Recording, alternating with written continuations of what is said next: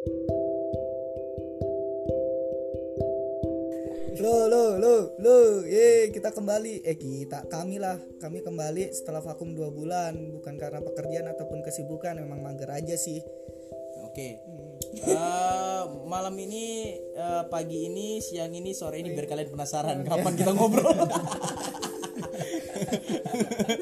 kita hari ini membawakan eh, obrolan yang cukup menarik dan ya cukup dekat juga dengan eh, tiap individu-individu yang ada lah. Iya.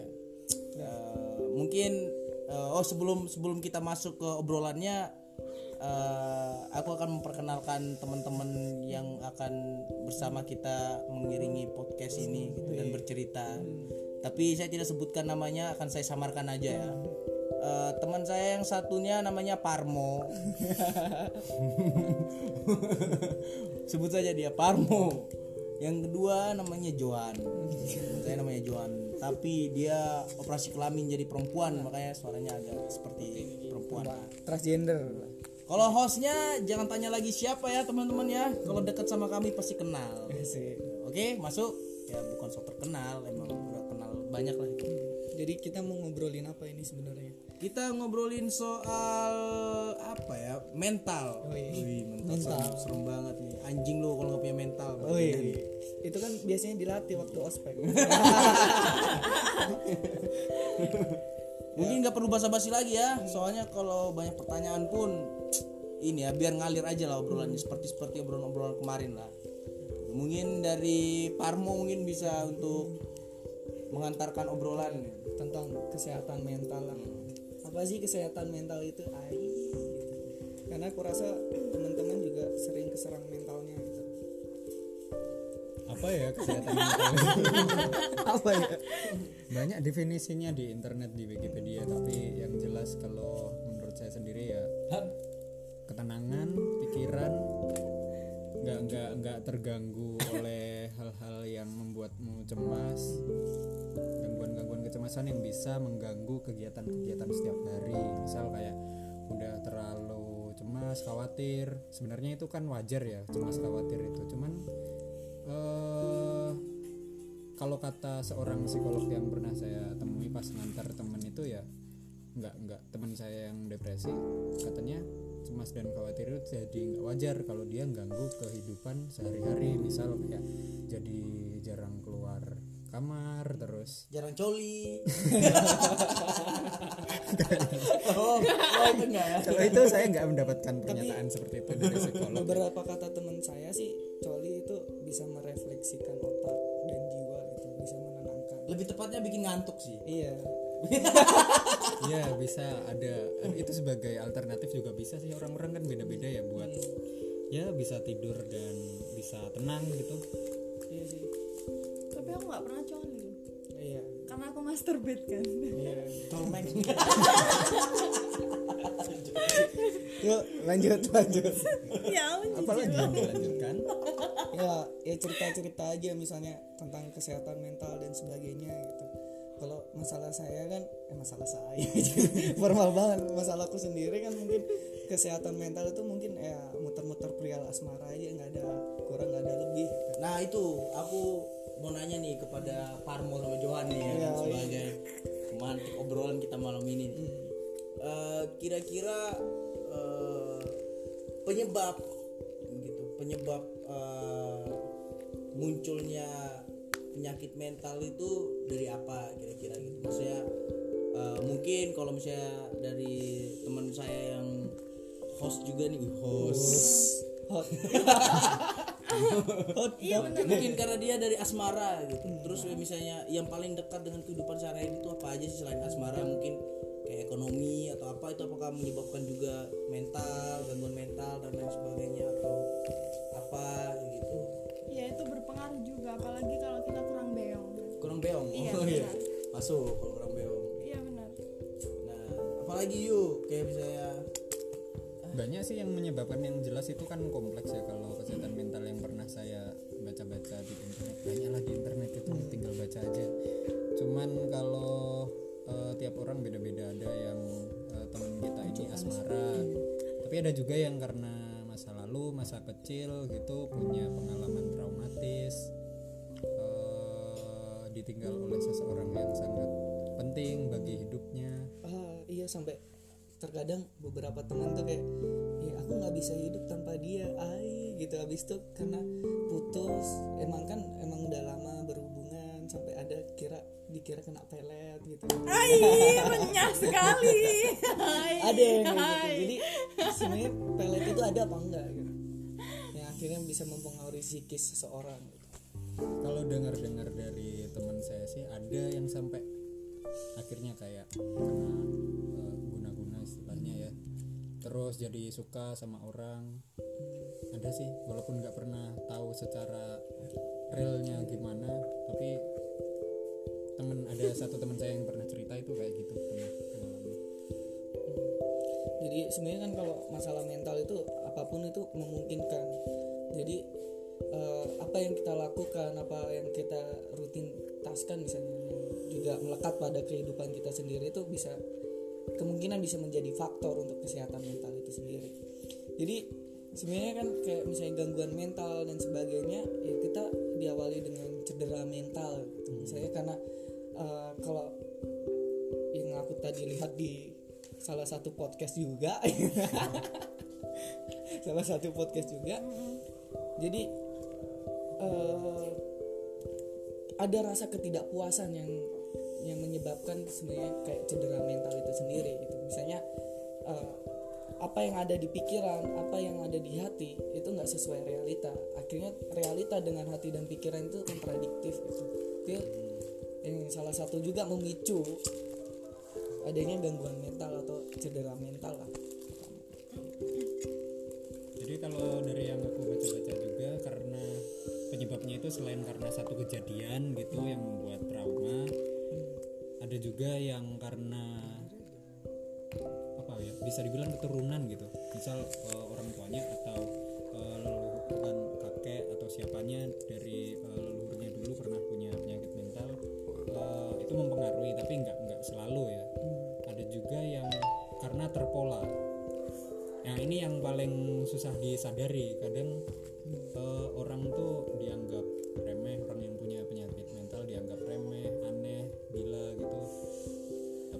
bisa aja karena ada pola dalam kehidupannya membuat dia seperti itu. Pola harus inilah harus itu dikekang nggak boleh ini nggak boleh itu. Biasanya kan kalau kecil gitu ya? Iya. masa kecil. Berarti ini ya atas dasar ini ya tekanan lingkungan lah. Atas nama cinta nah ini gimana kalau teman-teman ngelihat uh, situasi yang sekarang ini? Biasanya uh, mental selalu dijadikan dalil tindakan yang dia lakukan ini sering terjadi bahkan sampai kepada tindakan kriminal pun itu biasanya ada yang menjadikan dalil uh, mental itu sebagai ya jawaban atau solusi dari apa yang dia lakukan gitu. Nah kalau menurut teman-teman ini gimana kayak gitu dalam menyikapi uh, situasi seperti ini kayak gitu. Apakah emang itu bisa dijadikan sebagai dalil atau gimana? contohnya kayak ini. Contoh kayak misalnya dia nyolong motor gitu. Terus ditanya kenapa kamu kenapa kamu ini? Gitu? Ya soalnya saya uh, ekonomi saya lagi gini gini gini sehingga membuat saya susah untuk tidur karena mental saya terganggu dengan perekonomian. Akhirnya uh, solusinya ya saya harus nyolong dan lain sebagainya. Nah kan itu illegalis individualis jembut individualis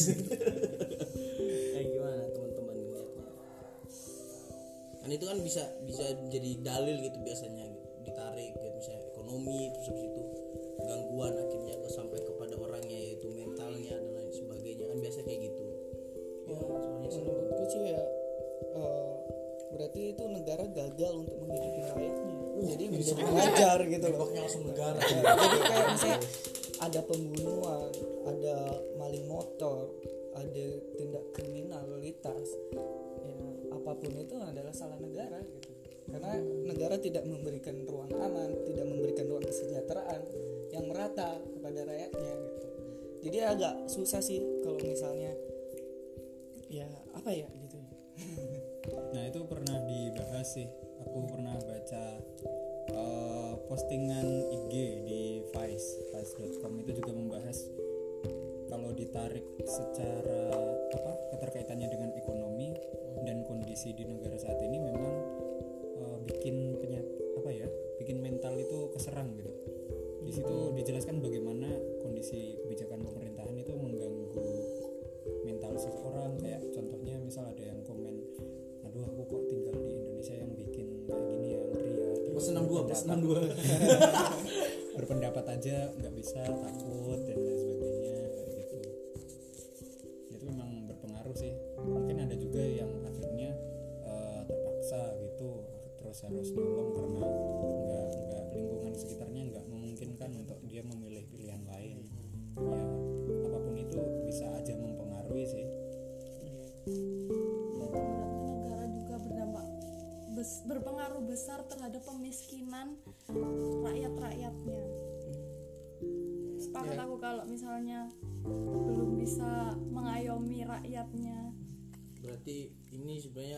negara. iya tetaplah Kesimpulannya tetap berarti kan kes- kes- eh, kesalahan negara ya. Iya sistem dalam negara kita nih plus 62 Aku mau nanya ke kalian nih, apakah orang-orang yang menjadi perwakilan di negara ini memiliki gangguan mental apa enggak? kayaknya iya sih. Nah kalau iya gimana tuh tingkah lakunya gitu? Ya mungkin kalian bisa kan pasti kan kita bisa membaca kalau aku sih jelas lah gitu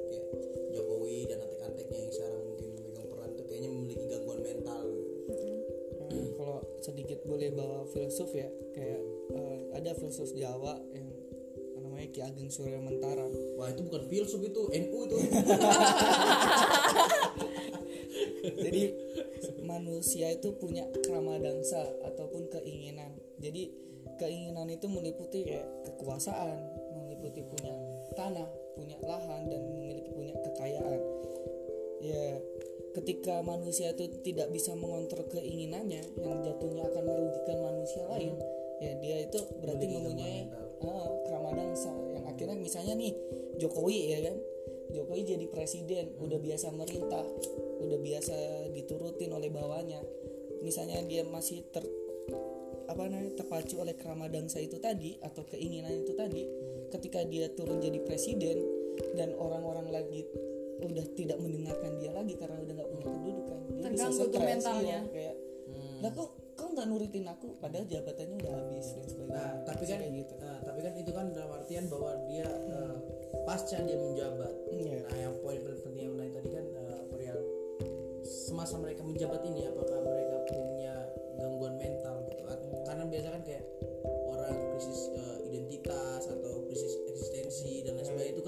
kan dipengaruhi juga gitu. Mental itu kadang-kadang menjadi menjadi apa ya pemicu gitu. Dia mulai ngedown mulai kesepian gitu. Biasa kayak wah mental mulai terganggu. Nah, akhirnya mulai cara punya banyak cara juga untuk biar bisa orang-orang itu bisa ngelihat dia dan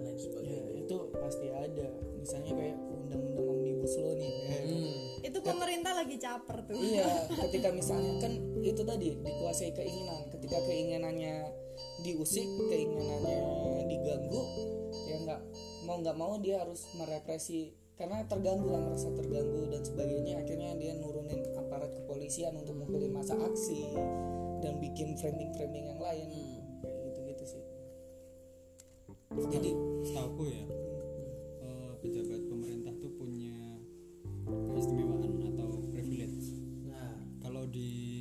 aku pernah melihat tarif gitu ya karena ngantar teman ke rumah sakit gitu untuk konseling. Itu ada tarif sendiri buat pemerintah pejabat Iya, pejabat hmm. ada tarif-tarifnya sendiri aku lupa detailnya itu tapi itu ada. Dan mungkin bisa dilihat secara contohnya aja kayak pas corona gitu kan ya pasti akan diutamakan para pejabat-pejabat ini buat eh, kesehatannya gitu. Terlepas dari itu kesehatan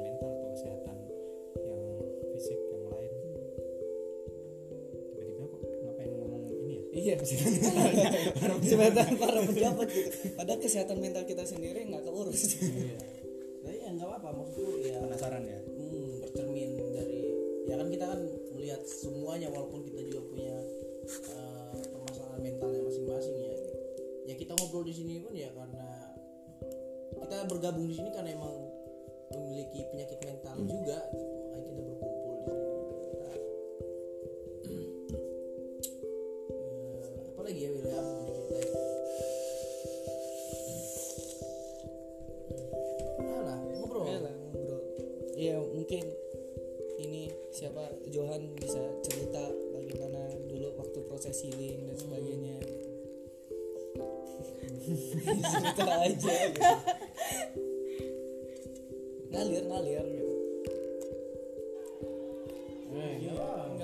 Jangan tegang ya. Allah. ya Allah tegang banget nanti kalau tegang berak gitu Ayo.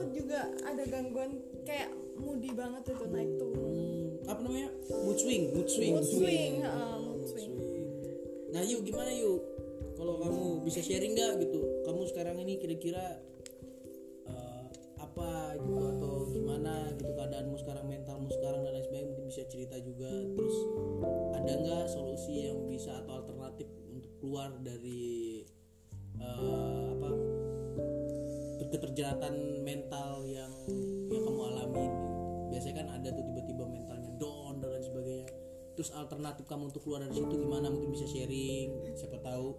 Teman-teman yang lain yang bingung kan gitu. Kayak ada temanku bingung gara-gara nggak bisa keluar dari mentalnya mencoba untuk bunuh diri.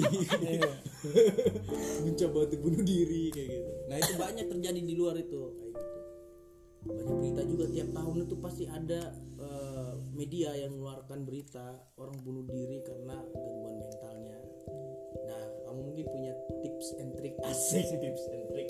Biasanya kalau kata orang tua sih suruh istighfar zikir sholat dan sebagainya itu ya mungkin membantu tapi nggak ngaruh istighfar istighfar. Istighfar gak mungkin gak mungkin mempan ketika orang yang mengalami penyakit mental itu perihal ekonomi. Itu gak mungkin. Bisa. Is kalau cara untuk mengatasi tiap orang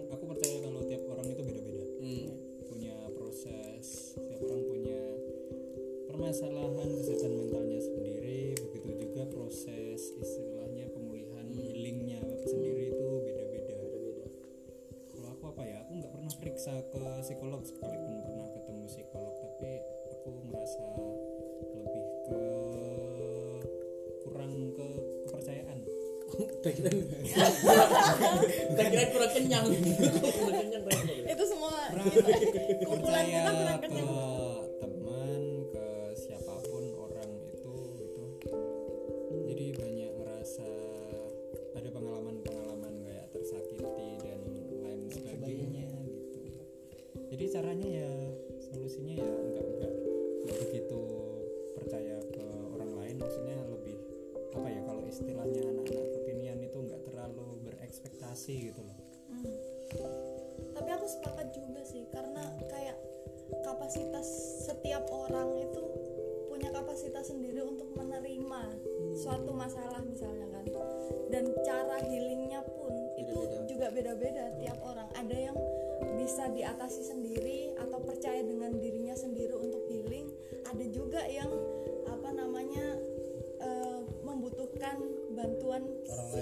orang lain atau bla bla bla. Yang jelas yang nggak perlu dipercaya itu negara. Ya maaf Pak. santer banget ya. Nah ini ada kedatangan teman baru juga nih. Dia dulu pernah nih mengalami gangguan mental nih sampai sampai kalau kata kalau kata anak-anak gaul dia demor. Eh tiba-tiba jadi street punk nasionalis. Ya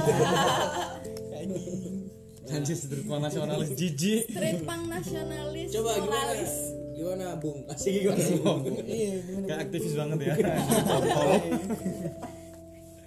Apa-apa ini pertanyaannya nih? Itu tentang perihal apa eh, membicarakan soal mental gitu. Nih, kamu mungkin pernah mengalami situasi yang terpuruk lah mengenai mental karena mungkin ada ke- kejadian-kejadian tragedi yang membuat mentalmu jatuh sampai kamu demor lama. Terus bagaimana juga eh, tips hingga kamu bisa keluar dari zona itu gitu. Eh, sekolah aku kan tahu gitu maksudnya sejarah kamu sampai bisa pun keluar dari zona itu seperti apa dan lain sebagainya. Tapi mungkin kamu bisa cerita karena eh, apa ya kemungkinan besar yang pendengar ini mungkin ada yang mengalami hal yang sama seperti kamu gitu dengan situasi kamu gitu. Nah bagaimana keluarnya? Mungkin ada teman-teman yang bingung juga kan cara keluarnya kayak gimana dari situasi seperti itu. Bahkan tiba-tiba gara-gara demor demor demor demor demor nyalek. Itu, itu, itu bahaya itu. Nyalek gagal jadi gila beneran. ya mungkin ini sih rasa menghilangkan rasa apa ini? Merasa paling kuat gitu loh. Aku bisa Superior. eh, superior. Aku bisa melewati kita dulu tragedinya kayak gimana tuh? Ya tragedinya sih panjang gitu ya. Ya masa lalu ya yang relasi percintaan keluarga terus tuntutan pendidikan gitu. Walaupun itu semua nggak tercapai gitu loh. Dan keluarga harus nuntut gitu kamu harus jadi kayak gini kamu harus jadi gini. Itu menurutku sebuah tekanan. Tekanan dan ya jadi kita merasa terbebani dan merasa sendiri gitu. Merasa sendiri ah, sanggup nggak aku menjalani hidup ini? Ya ya nggak sanggup sebenarnya. Ya, kalau sempat mencoba bunuh diri nggak? Nggak nggak ada sebenarnya itu. Ya mungkin lari lari ke ini sih. Permabokan ya. Permabokan semua permabokan lah. Sikap ada celah sikap ya itu sih. Mungkin kalau solusinya ya hilangin rasa superior. Kalau ada temen yang bisa diajak ngobrol dan atau sekedar sharing-sharing ya temen aja. Dan kita berusaha menghindari lingkaran-lingkaran toksik gitu loh. Ya kayaknya sih setelah berapa tahun ini aku udah nggak pernah nemuin lingkaran-lingkaran toksik gitu. Alhamdulillah. Alhamdulillah. Alhamdulillahin ya. Untuk para para bolsevik alhamdulillahin ya. Tapi aku apa namanya pengalamanku tadi. Kan aku eh, udah lumayan sanggup untuk menceritakan lagi tadi. Aku sempat berat banget berarti ya trigger iya beneran. Aku dulu itu eh, apa namanya kalau aku sendiri kan sempat himpitan ekonomi ya. Eh, dulu sempat ngalamin yang namanya kekerasan ya kan. Dan apa namanya eh, proses healingnya pun itu lama. Bahkan kalau bisa dibilang nggak akan pernah balik lagi ke awal atau nggak akan pernah eh, apa namanya kembali ke titik awal di mana aku sebelum merasakan hal itu gitu. Walaupun proses healing recovery yang kayak gimana pun gitu. Nah eh, apa namanya satu hal yang pasti di lingkaran apa ya baik organisasi ataupun ormek ya mbak iya. Ormek iya. Baru tahu. Cibuyeng. Eh, kalau aku sih Cimantel. Eh, apa namanya belum siap gitu loh. Belum siap untuk menerima adanya hal itu gitu. Bahkan itu negara sahkan RUU PKS sahkan cok Eh, karena kita itu sebenarnya nggak punya tolok ukur atau regulasi yang gimana sih menghadapi hal apa menghadapi korban atau gimana menangani hal itu gitu loh. Dan eh, menurutku upaya adanya RUU PKS pun itu menjadi secercah harapan anjing. Secercah harapan bagi para para korban atau apalah penyintas. Ya bahasa gaulnya. nggak harus perempuan sih cok PKS ya semuanya. Iya nggak harus ya apa dan siapa pun. perempuan bisa jadi penyintas. Eh, Iya. bisa jadi penyintas. Yoi. Ya contohnya Rehat Sinaga ya kan? Cowok yang ya itu negara. Lagi lagi negara. Belum siap cok sumpah. Kayaknya kamu mbak ini benci banget sama negara. Iya. Jatuh cinta Sat- dia. satu negara dua ormek. Cibuyang harus hancur itu. Amin. Ya mungkin ini sih untuk tambahan untuk solusi ya untuk menghindari itu ya mungkin hilangin rasa superior terus lebih banyak berinteraksi dengan kawan yang emang kita sudah klop gitu dengan kawan terus ya cari kesibukan lah. Ada sedi- luangkan sedikit waktu untuk berterima kasih pada diri sendiri yo. Self love. Dengan cara coli. Aku boleh cerita nggak? Oh, Ya, kamu tapi- jadi korban juga ya? Nggak, tapi ini pendek sih ceritanya.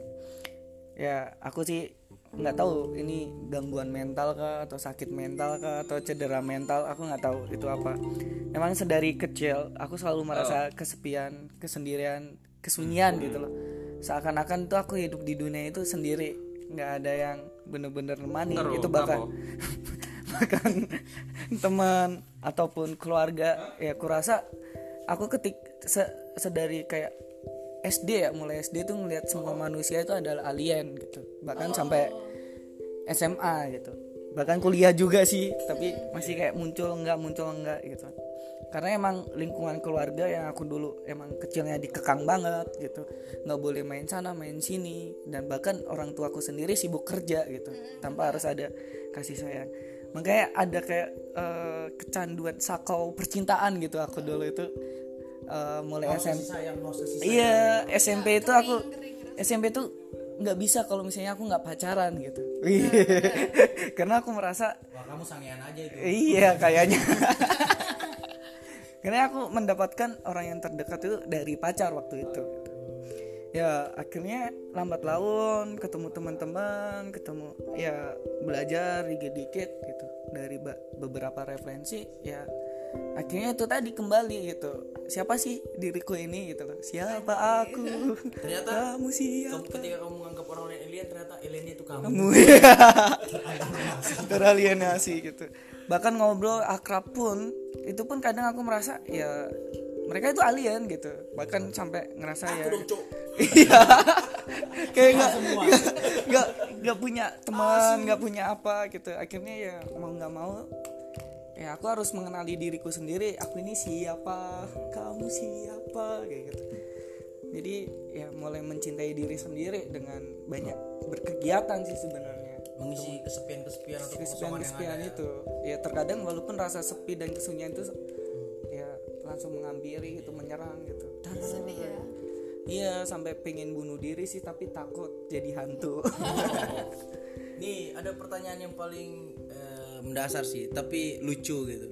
Aku mau nanya ke teman-teman dan butuh jawaban yang yang menguatkan lah.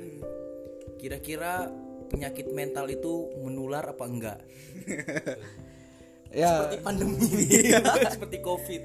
Nah ini pertanyaan yang paling menarik gitu, karena terkadang tuh biasanya gitu, eh, penyakit mental gitu, yang ketika dibawa ke dalam obrolan atau tongkrongan itu, kalau aku lihat itu bisa nular gitu, sampai mengganggu mental teman-teman yang lain juga gitu. Nah kalau kawan-kawan ini menyikapinya kayak gimana nih? Apakah benar gitu ternyata bahwa eh, mental ini eh, sama seperti pandemi bisa menular seperti covid gitu ibaratnya. Gimana teman-teman? kalau menular gitu istilahnya mungkin nggak menular ya tapi mempengaruhi ya kalau tergantung lingkungan dia di sekitarnya apa kalau menurut saya kalau lingkungannya apa penyebab penyakit mental atau kecemasan atau traumanya itu berkaitan dengan lingkungan sekitarnya tentu mempengaruhi gitu lingkungan sekitarnya. Nah persoalannya ya kalau sudah mempengaruhi terus gimana kan caranya memperbaiki itu? Kalau menurut saya ya membuat ruang aman di di lingkaran itu eh yang mungkin sering diabaikan ketika ada teman yang pengen bunuh diri atau ada yang teman yang pengen eh, menyakiti dirinya sendiri gitu itu segera di apa diolok-olok atau diabaikan dan lain sebagainya. Nggak ada kayak eh semacam koreksi atau evaluasi di lingkungan itu. Perhatian nggak sih dengan eh, kondisi-kondisi kayak gitu? Perhatian nggak kenapa alasannya sehingga dia ingin bunuh diri atau menyakiti dirinya sendiri gitu jadi dengan apa ya lingkungan yang kondusif lebih memperhatikan kesehatan mental kalau menurut saya itu bisa jadi semacam solusi ya. Cuman kalau untuk kata pulih pulih. Kalau pulih itu nggak tahu ya. Nggak pernah eh, punya teman atau melihat orang yang pulih gitu. Tapi kalau saya sendiri juga nggak nggak nggak merasa pulih itu ukurannya apa pencapaiannya kayak gimana. Cuman yang saya yakini setiap orang bisa berusaha untuk pulih berusaha pulih. Pulihnya itu menurutku ya tiap orang beda-beda. Dan karena setiap orang bisa berusaha pulih setiap orang juga bisa berusaha untuk saling memulihkan dan menguatkan sama sih kurang lebih. Karena apa namanya eh, apa penyakit mental atau hal-hal tersebut itu bisa memengaruhi kita. Dan bisa jadi loh bisa jadi menular karena apa ya, ibaratnya itu ada resonansi yang menempel ke orang lain gitu loh. Yang akhirnya eh, merembet ke orang lain. Misalnya kita lagi stres sedih yang kita itu show up. Kan pasti kelihatan tuh kadang kita sedih atau apa. Terus eh, akhirnya orang di sekeliling kita juga ikut kenapa sih ini? Jadi ngerasa nggak enak sendiri kayak gitu. Dan kalau ngomongin tentang makanya menurutku nggak bisa disepelekan juga karena ini penyakit yang nggak kelihatan di fisik gitu loh. Nggak kayak penyakit misalnya kamu kan panuan gitu ya kelihatan gitu. Loh atau borok ada borok gitu. Atau dipukul polisi. Atau dipukul polisi ya. Apalagi di titiknya gitu. Kasihan gitu ya. Pingsan lagi. Pingsan lagi. Dan apa itu kan penyakit mental kan penyakit yang ibaratnya bisa dibilang goib gitu karena nggak kelihatan gitu. Ya itu lebih menghargai kembali lagi lebih menghargai teman-teman kita lebih care lagi dan ketika menurutku ketika ada orang yang udah berani ngomong udah berani ngomong tentang hal yang dirasakan itu ya kita harus siap untuk mendengar atau paling tidak kita menghargai orang itu. Karena pasti itu udah melalui proses proses yang sulit gitu loh. Untuk bercerita sendiri. Kayak gitu. Untuk masalah pulih atau enggaknya burung apa teman? Eh, apa namanya untuk kalau aku sendiri ngerasanya eh, apa tolok ukur dari diriku sendiri kalau dibilang ada tolok ukurnya nggak ada. Cuma rasanya itu loh rasanya itu beneran nggak bisa balik. Kayak mudah ke trigger ketika kita dengar hal yang sama pernah di dan dilakuin di orang lain itu kita cenderung mudah merasakan hal itu jadi kita lebih care aja sih sebenarnya harus lebih care sama diri kita sendiri dan ketika ada teman kita kayak gitu kita harus lebih care Ya sih, karena rasa trauma itu kan juga masuk dalam adegan cerita setiap individu gitu. Mau dihapus bagaimana, ya itu tetap alur cerita gitu, terekam. Kayak eh, ada dulu pacar, eh pacar mantan gitu, yang sempat juga dapat pelecehan dan sebagainya. Dan aku nggak akan sebut namanya, karena aku berani ngobrol gini karena lingkaran kita nggak ada yang tahu gitu jadi eh, ya sempat dapat ketika misalnya ada gerakan yang sama misalnya. Ketika misalnya pegang tangannya dan sebagainya. Dan misalnya itu gerakannya hampir sama itu bisa men-trigger kembali kayak gitu loh. Benar. Ya emang kalau misalnya nular nggak sih? Eh mempengaruhi apa namanya? Pola pikir teman-teman nggak sih? Maksudnya dalam kesehatan mentalnya juga gitu. Ya aku rasa tergantung setiap individu gitu. Kuat enggaknya gitu. Menyikapi hal itu. Dan ya bisa jadi ada kemungkinan-kemungkinan yang juga akan mempengaruhi ketika misalnya misalnya sebut aja sang pendamping gitu. Pendamping ketika nggak kuat juga akan keserang juga mentalnya gitu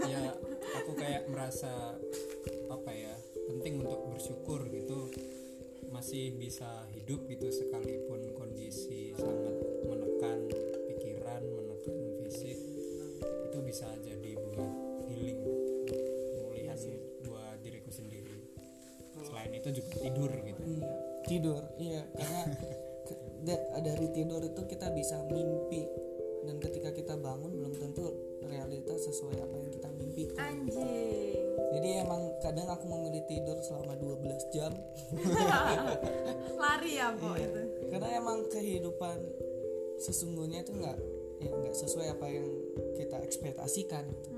makanya kalau aku healing sendiri itu ya mencoba untuk legowo lah kalau kata orang Jawa itu untuk menerima ya emang ini sebuah kenyataan dan itu harus dihadapin mau nggak mau. Dari kita bisa menerima akhirnya kita bisa kayak ngobrol pada diri sendiri gitu lah. Nah, ngobrol pada diri sendiri itu misalnya waktu merenung ataupun kita waktu lagi sendiri kalau aku nggak bisa ya ngomong di depan kaca dan sebagainya tapi aku lebih nyaman ketika aku menulis gitu.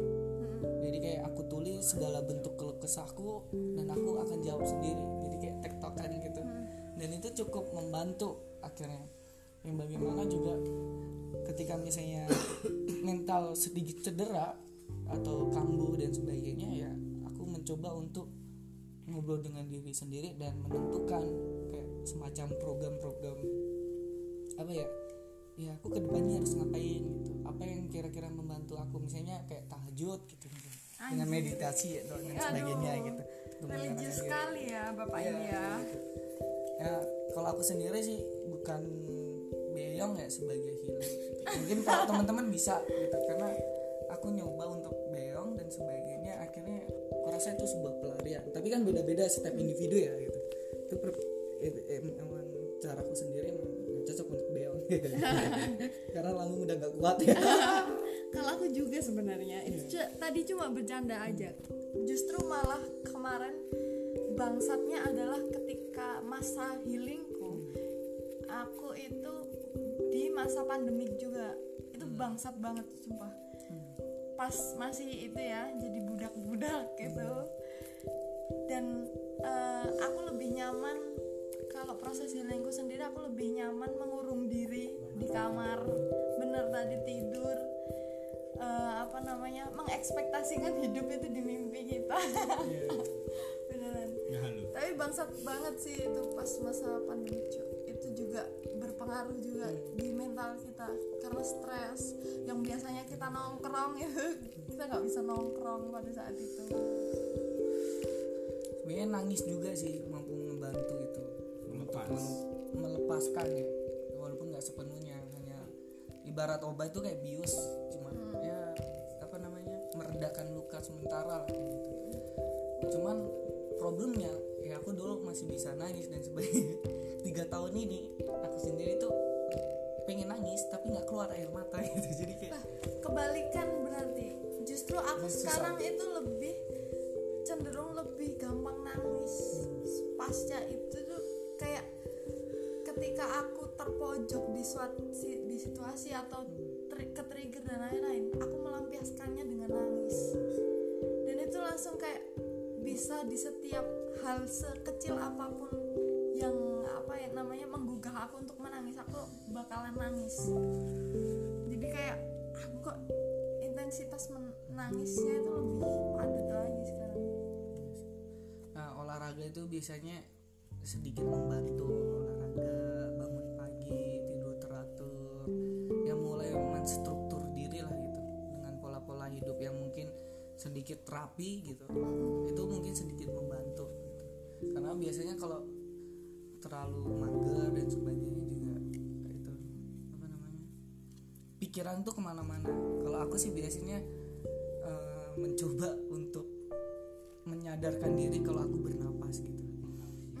Jadi aku ngitungin detak jantung dan sebagainya untuk melatih fokus walaupun ntar pikiran ke mana-mana tapi akan balik lagi kayak oh aku bernapas gitu. Mulai ya terima kasih aku udah telah apa hari ini telah bernapas gitu. Terima kasih pada kakiku tanganku telah melakukan aktivitas yang apa yang aku inginkan. Walaupun terkadang juga terima kasih pada diriku sendiri yang udah kompromis dengan lingkungan sekitar. Iya. terkadang gitu. Hal pertama yang buat aku pelan-pelan melepas atau beneran apa namanya ada di fase healingku adalah pertama harus memaafkan diri kita sendiri. Karena kebetulan aku kemarin itu eh, kekerasan kan. Jadi kayak aku maaf tubuhku yang pernah terbuka untuk dilukai dan lain-lain. Itu memaafkan diri sendiri dulu. Kayak gitu. itu hal pertama banget sih kesembuhan mental. Ya sebenarnya nggak ada yang sembuh total sih. Pasti ya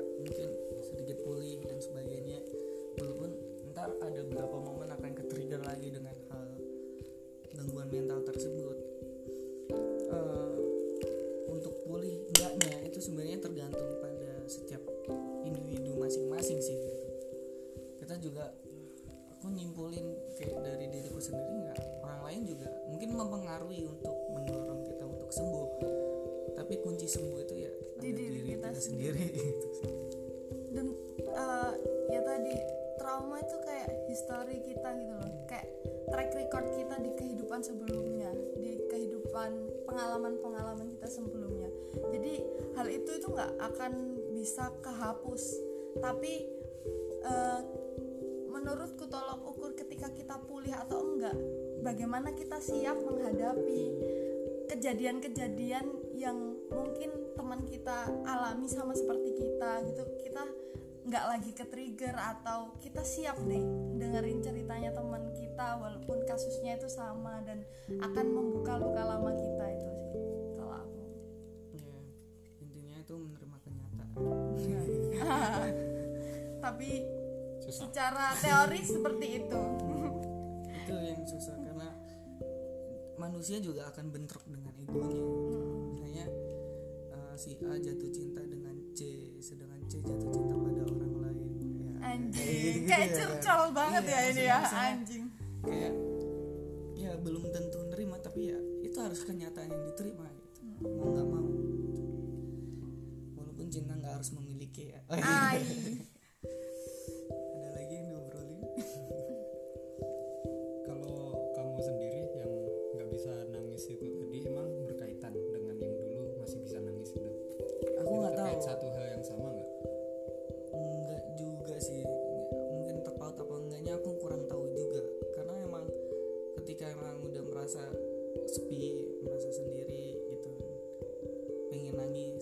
bisa keluar terus akhirnya ketawa. Ya, akhirnya aku untuk memilih men- mentertawakan hidupku ini untuk mensyukuri itu sih. Jadi kan emang udah siap-siap nih mau nangis gitu kan. Wih, aku sedih gitu kan sedih mau nangis. Kok nggak bisa gitu jadi ya ya udah aku memilih tertawa untuk hidupku gitu. Karena emang kehidupan ini lucu gitu karena dinamikanya naik turun dan sebagainya. Oh, kadang berarti marah kadang secara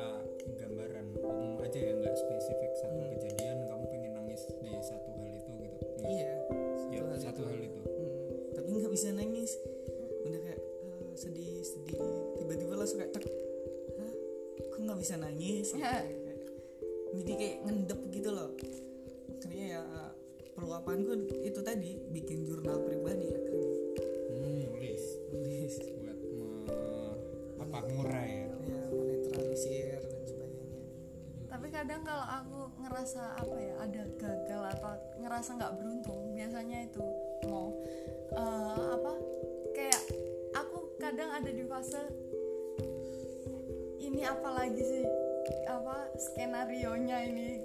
Kayak ngetawain aja jancuk apa lagi sih cok ini?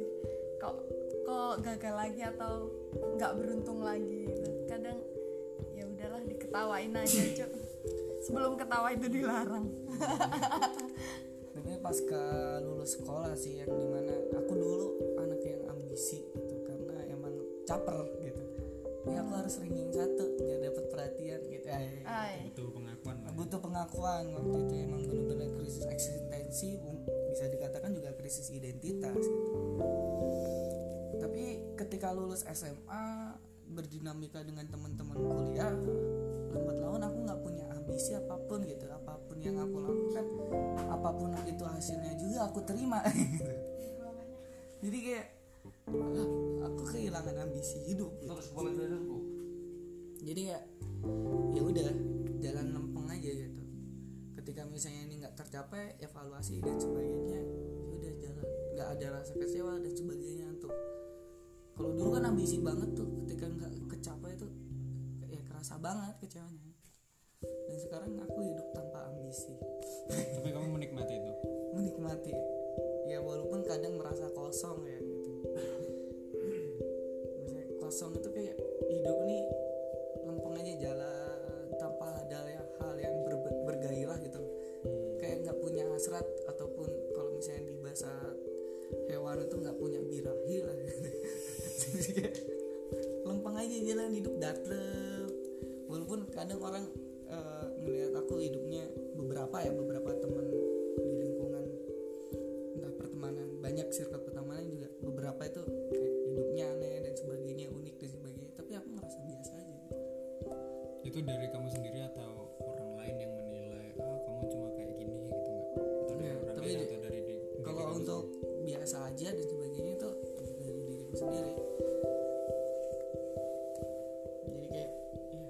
udah gitu jalanin hidup apa adanya gitu. Tapi kalau kalian pernah kepikiran nggak sih dari pengalaman trauma gitu kayak ada manfaatnya? Ada. Apa? kita lebih siap untuk menghadapi hidup yang brengsek ini untuk ke depannya. Ada kalau aku kayak gitu sih lebih belajar lagi. Proses pendewasaan sih. Iya anjir. jadi kayak sebel aja kenapa aku harus proses pendewasaan itu terlalu cepat. Aku ngerasanya gitu sih maksudnya di mana yang dulu aku emosional banget emosi banget dan masih kekanak-kanakan bahkan manja banget dan harus hilang gitu di usia ya, sekarang.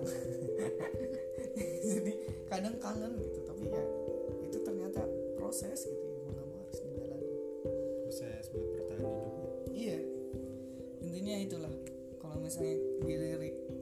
Senar Togok itu kan bertahan adalah cinta terliar.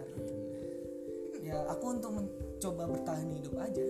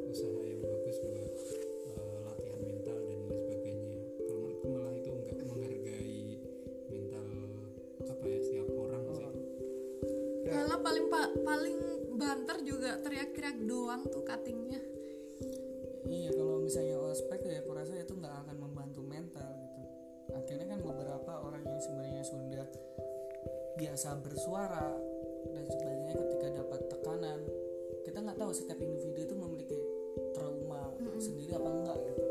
Jadi kalau misalnya melatih mental dengan gaya-gaya tentara gitu kan atau bentak-bentak dan nggak Pak lah jelas buat aja kating-kating yang ospek. Kalau kalian masih pakai pola-pola ospek yang kayak gitu aduh jauh dari peradaban bro sempat terjadi sama temen eh, adik tingkat fakultas dulu ketika aku juga masih ya hmm, aku kuliahnya kayak semester 3 atau 4 ya. Semester 4 lah. Itu ada adik tingkat yang di mana eh seangkatanku juga ada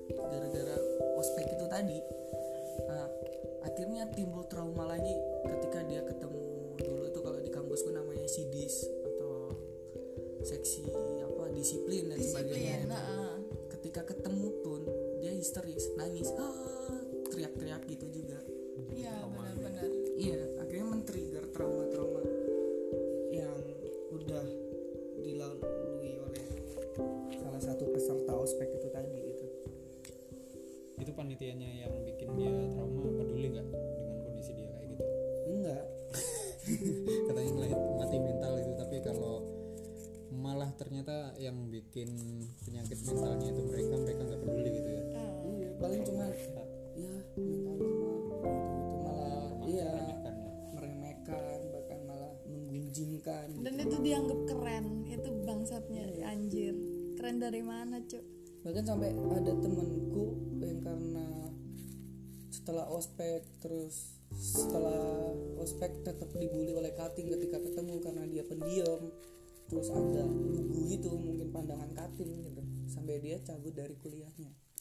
Dan dia bikin eh, waktu itu dia cabut di semester 5 pulang ke kampung. Habis itu di sosmednya dia cerita tentang Uh, terima kasih kepada kakak tingkat ataupun teman-teman sekitarku yang telah ngebully aku. Terima kasih kepada teman ya lingkungan sekitar kampus yang telah uh, mengejek aku dan sebagainya. Ketika keluar kampus itu sempat bikin statement kayak gitu. Wow. Jadi kan eh, ketika dia udah nggak kuat secara mental bahkan sampai dia merelakan udah semester 5 mungkin sekitar dua tahun setengah dia mencoba untuk bertahan nggak kuat cabut akhirnya. Dia emang eh, kayak demam panggung dan sebagainya. Ketika presentasi di kelas pun dia gagal nangis. Itu cowok loh padahal Mm-mm. jadi kesehatan mental tuh nggak ya maksudnya kan biasa nggak nggak pandang bulu ah, nggak pandang pandang gender bulu gitu. nggak pandang gender siapa pun bisa merasakannya dan terjadi di siapa pun sih. Dan ketika ketemu ke kantin pun dia takut cuman eh, sempat sharing-sharing juga sama dia tentang buku bacaan dan sebagainya. Eh, dia bilang buku cukup membantu untuk melampiaskan. eh, dan melatih mentalnya dia untuk menghadapi kenyataan itu tadi